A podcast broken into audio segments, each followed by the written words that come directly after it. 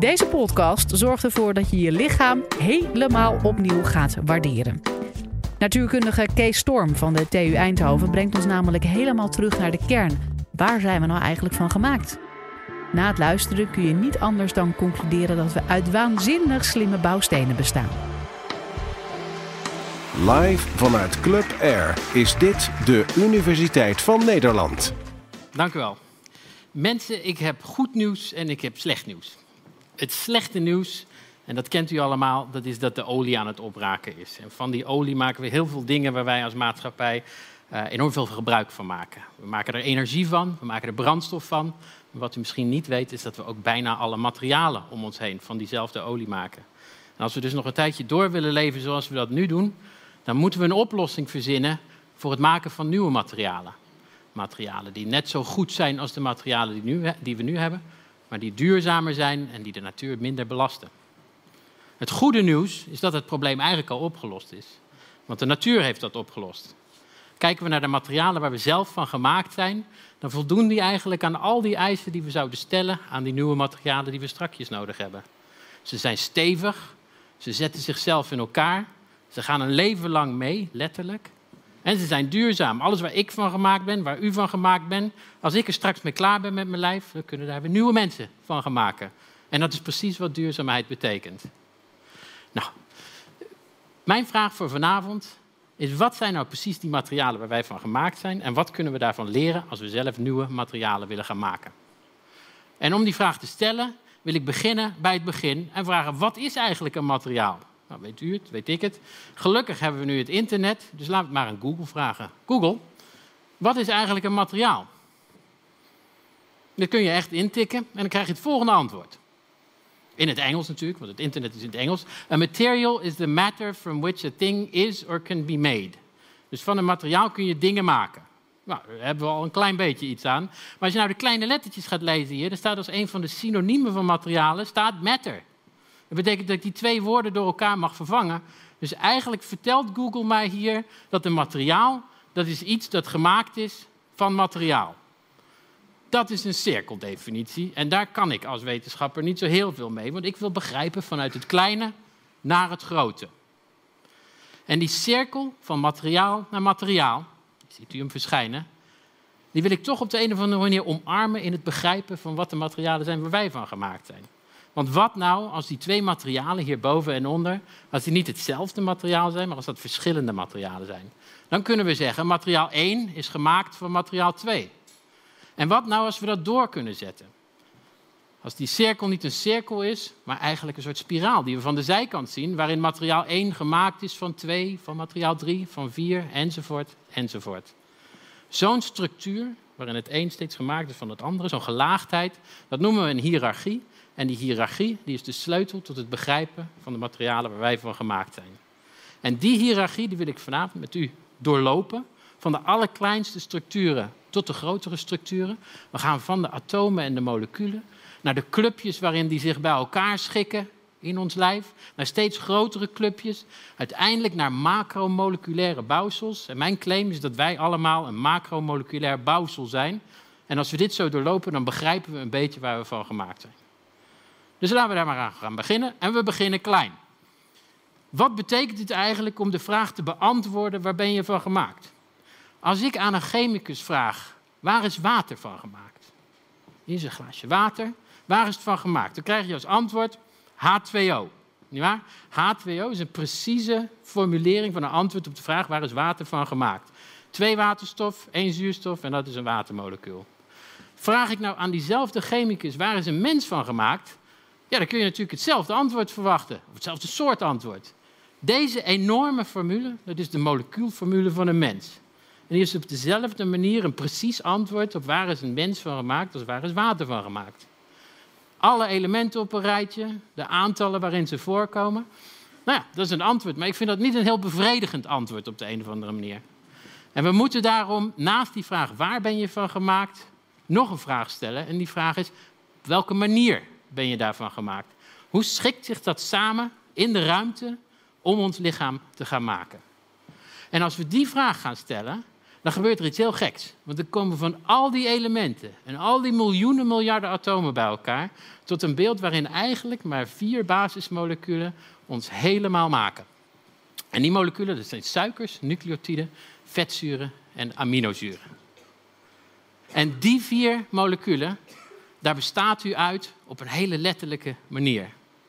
We zouden al die moleculen en die materialen, die zouden we bij elkaar kunnen nemen. Hier staat een tafeltje vol wit poeder. U vindt dat ongetwijfeld verdacht in een nachtclub.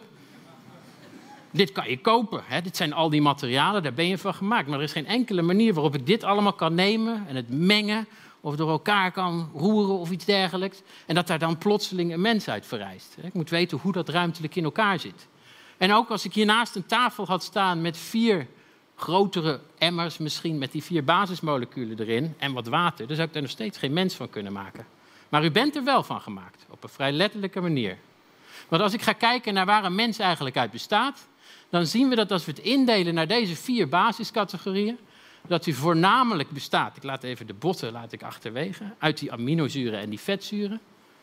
Een klein beetje uit nucleotiden, een klein beetje uit suikers en natuurlijk een heleboel water. Maar op water kun je niet bouwen, dus dat laat ik voor die materiale discussie van vanavond maar eventjes uh, uh, buiten deze discussie. Om te begrijpen hoe we daarvan gemaakt zijn, moeten we nog een stapje hoger in die hiërarchie gaan. En al die vier basismoleculen, die kunnen één trucje een chemisch trucje waardoor je er heel veel dingen van kunt maken. En dat trucje, dat noemen we polymerisatie. Elk van die moleculetjes, die kun je als kralen aan een ketting aan elkaar rijgen. En daar kun je hele lange structuren van maken. En wanneer we die vier basismoleculen aan elkaar gaan rijgen tot polymeren, tot die lange strengen, dan komen er materialen uit die we beginnen te herkennen als biologisch. Als ik suikers aan één rijg, dan krijg ik bijvoorbeeld zetmeel, glycogeen in mensen. Als ik nucleotiden aan elkaar ga rijgen, dan krijg ik DNA en RNA, de genetische informatiedragers. Als ik vetzuren aan elkaar ga rijgen, dan krijg ik alle membranen die eh, de cellen in ons lichaam omgrenzen. En als ik aminozuren aan elkaar ga rijgen, dan krijg ik de eiwitten. En die eiwitten, die kent u allemaal uit de keuken, die kent u uit uzelf, maar daar bestaat u voor een groot deel uit. En die polymerisatie, ik zeg het eventjes een beetje te loop, je rijgt het als, eh, als kraaltjes aan een ketting. Maar er gebeurt eigenlijk veel meer. En daarom wil ik even inzoomen op wat er gebeurt in die eiwitten. Want er is niet één soort kraal bij eiwitten. Er is niet één soort aminozuur. Het komt voor in twintig smaken in uw lichaam. En van die twintig smaken mag ik nu mijn ketting gaan rijgen. En elke kraal mag verschillend zijn. Dat doet twee dingen. Dat geeft me een enorme combinatorische ruimte van zaken die ik kan maken. Voor de eerste heb ik twintig keuzes, voor de tweede, voor de derde, enzovoort, enzovoort. Maar die ketting die stopt niet met dingen doen op het moment dat die geregen is. Elk van die aminozuren die voelt elk ander aminozuur. Ze trekken elkaar aan, ze stoten elkaar af. Dus onder invloed van dat krachtenspel gaat die keten, die primaire structuur van het eiwit noemen we dat, die gaat zich opvouwen in de ruimte. En daar gaan we weer. Het gaat niet alleen om waar je van gemaakt bent, maar ook hoe je ervan gemaakt bent. En dan neemt het lokaal vormpjes aan, die lijken een beetje op een kurkentrekker of een stukje van een weefwerkje of iets dergelijks. En ook daar stopt het niet, want die secundaire structuurmotieven, die gaan zich ook weer vouwen ten opzichte van elkaar. Die nemen plekjes ten opzichte van elkaar in. En zo neemt dat enorme molecuul, dat vouwt zich stap voor stap voor stap voor stap tot een ruimtelijk object. En dat object, dat kunnen we zien als één klein puzzelstukje.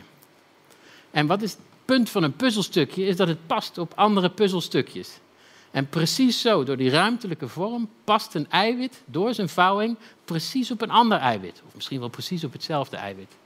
En zo wil ik graag met u nadenken over hoe een lichaam opgebouwd is eigenlijk. Uit eiwitpuzzelstukjes die precies in elkaar passen.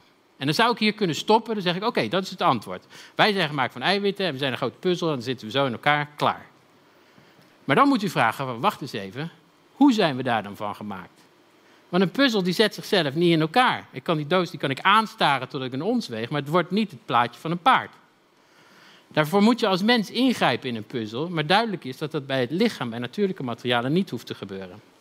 En daar komt het volgende wonder om de hoek, en dat is het wondertje van de zelfassemblage. En het woord zegt het al, natuurlijke materialen die zetten zichzelf in elkaar. Laten we eens gaan kijken naar een van die andere vier basismoleculen, naar de vetzuren, om te kijken hoe dat gaat. Dit is één vetzuurmolecuul. Dat molecuul dat heeft twee stukken eraan, eigenlijk drie. Twee zijn een staartje en één is een kopje. En die hebben hele verschillende fysische eigenschappen. Dat kopje, dat houdt enorm van water. Die twee staartjes, die hebben een hekel aan water. En dat moleculetje in zijn eentje is dus een soort van schizofreen. Het ene stuk houdt van water, het andere stuk vindt het niks. En nou komt het leuke, het zit allemaal in het water, want de hele biologie is omspoeld door water. Dus wat gebeurt er nou wanneer ik zulke schizofrene moleculen met z'n allen onder water ga stoppen? Stoppen we ze met z'n allen bij elkaar, die zijn allemaal super unhappy daar. Die vinden het niks, want alle staartjes zijn kletsnat. Maar gaan er twee wat dichter bij elkaar zitten met die staartjes, dan zijn ze al een klein beetje blijer, want ze kunnen de staartjes een beetje droog houden. En doen ze dat met nog meer, doen ze dat met z'n allen, dan worden ze nog blijer, want ze zitten allemaal met de staartjes droog nou. En dan zegt hij, ja maar Kees, maar al die staartjes die zijn van onder nog kletsnat. Oké, dan klappen we er nog een laag tegenaan. En nou zijn alle staartjes droog en alle kopjes nat. En dat is precies wat dit schizofrene molecuul het liefste wil. Dus besloten in de fysische eigenschappen van zo'n molecuul ligt al de structuur die het gaat vormen wanneer je ze met veel bij elkaar zet. Dat is zelfassemblage. Nou, in eiwitten gebeurt die zelfassemblage ook, maar dat is nog veel ingewikkelder. Want eiwitten zijn niet alleen maar bang van water of houden van water. Eiwitten hebben ook stukjes op zich die positief geladen zijn en negatief geladen zijn. Stukjes die heel groot zijn, stukjes die heel klein zijn. Dus dat past op veel meer manieren net wel of net niet in elkaar. Maar op dezelfde manier kan zo'n eiwit zichzelf assembleren tot complexe structuren, tot de macromoleculaire bouwsels. En om daar een voorbeeld van te geven, wil ik met u gaan naar een van mijn favoriete biologische organismen. En dat is E. coli. En E. coli is een bacterie. En E. coli is een bacterie met een hele slechte reputatie. Want hij komt altijd in de krant als de shawarma-tent om de hoek het weer eens niet nauw heeft genomen met de hygiëne. En dan noemen ze hem de poepbacterie. En daar doe je dit beestje geen recht mee. Want dit is een wonder van de evolutie.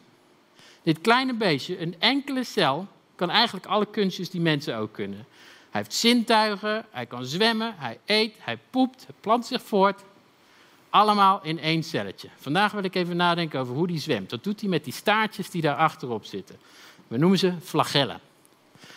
Hier is een animatie van hoe E. coli zwemt met die flagellen. Daar gaat hij. En als u goed kijkt, dan ziet u dat ieder van die draadjes aan dat beestje zichzelf als een soort kurkentrekkertje door de vloeistof of door uw knoflooksaus heen aan het zwemmen is. En daar moet natuurlijk een motortje aan zitten, niet? Dat gaat niet spontaan gebeuren. Sterker nog, er moet een rotor aan zitten, een motor die de draaiing aandrijft. Nou, die motor die is gemaakt van eiwitten en die ziet er zo uit. Dit is het flagellaire motorcomplex.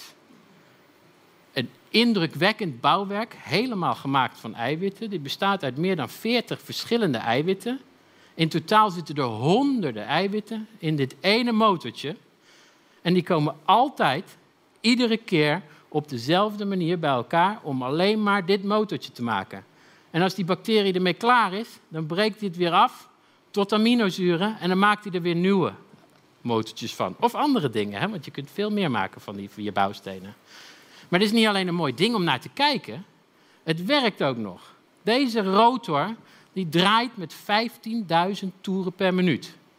Nou, de Formule 1-coureurs onder u die weten dat het hetzelfde is als de auto van Max Verstappen bijvoorbeeld haalt.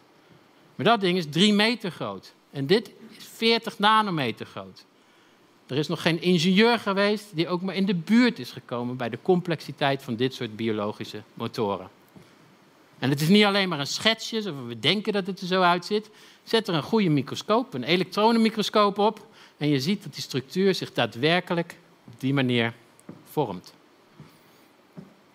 Dan wil ik even teruggaan met u naar het overzicht van die hiërarchie. Want hier zijn we in ieder geval voor nu aan het eind van deze reis gekomen. We hebben gezien dat we bestaan uit allemaal kleine atomen. Dat die zich in steeds grotere groepjes bij elkaar schikken tot structuur. Dat die structuur, dat we daarbij over ruimtelijkheid na moeten denken. En dat die ruimtelijkheid, dat die ook bepaalt hoe het uiteindelijk bij elkaar komt om te assembleren tot de macromoleculaire objecten. En dan is het geen grote sprong meer naar de complexiteit van een menselijk lichaam. En wat leren wij hier nou van om zelf betere materialen te maken? Welke oplossingen heeft de natuur gevonden? Nou, ten eerste is dat je niet moet denken in specifieke oplossingen, maar je moet denken over generieke oplossingen. De natuur heeft niet voor ieder materiaal een nieuwe uitvinding gedaan. Er zijn een paar bouwstenen en die worden keer op keer gebruikt. En daar maken we alles van. Daar kunnen wij wat van leren. De andere les die we eruit kunnen trekken is een les van polymerisatie. Gebruik dingen die zich tot ketens of andere grote structuren aaneen kunnen rijgen. Want zo krijg je A, formaat, ruimtelijkheid.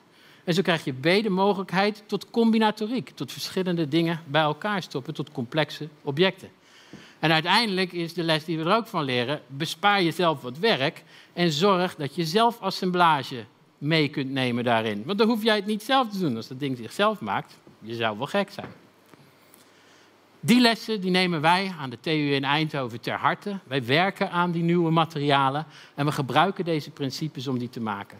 Zo hebben we een tijdje terug een materiaal gemaakt dat zichzelf helemaal in elkaar zet. Gemaakt van bouwstenen tot welke het ook weer gereduceerd kan worden om het weer nieuw te maken. Dat zichzelf verstevigen kan, zoals een, een lichamelijk weefsel. En van diezelfde bouwstenen hebben we kort geleden een heel ander materiaal gemaakt dat zichzelf kan samentrekken en weer kan relaxeren, zoals een klein spiertje bijvoorbeeld. En zo nemen we die lessen ons ter harte. Goed. Met die boodschap wil ik nog één keer terug naar wat we nou uiteindelijk geleerd hebben over de materialen in ons lichaam. En dat zijn eigenlijk maar drie dingen. En die drie, die drie dingen zijn één. U bent allemaal en ik ook gemaakt van eigenlijk maar vier bouwstenen. En die basisbouwstenen die vormen lange polymeren en daardoor krijgen we complexiteit. En door zelfassemblage wordt uw en mijn lichaam elke keer opnieuw correct in elkaar gezet. Dat is wat ik vanavond met u wou delen. Bedankt voor de tijd.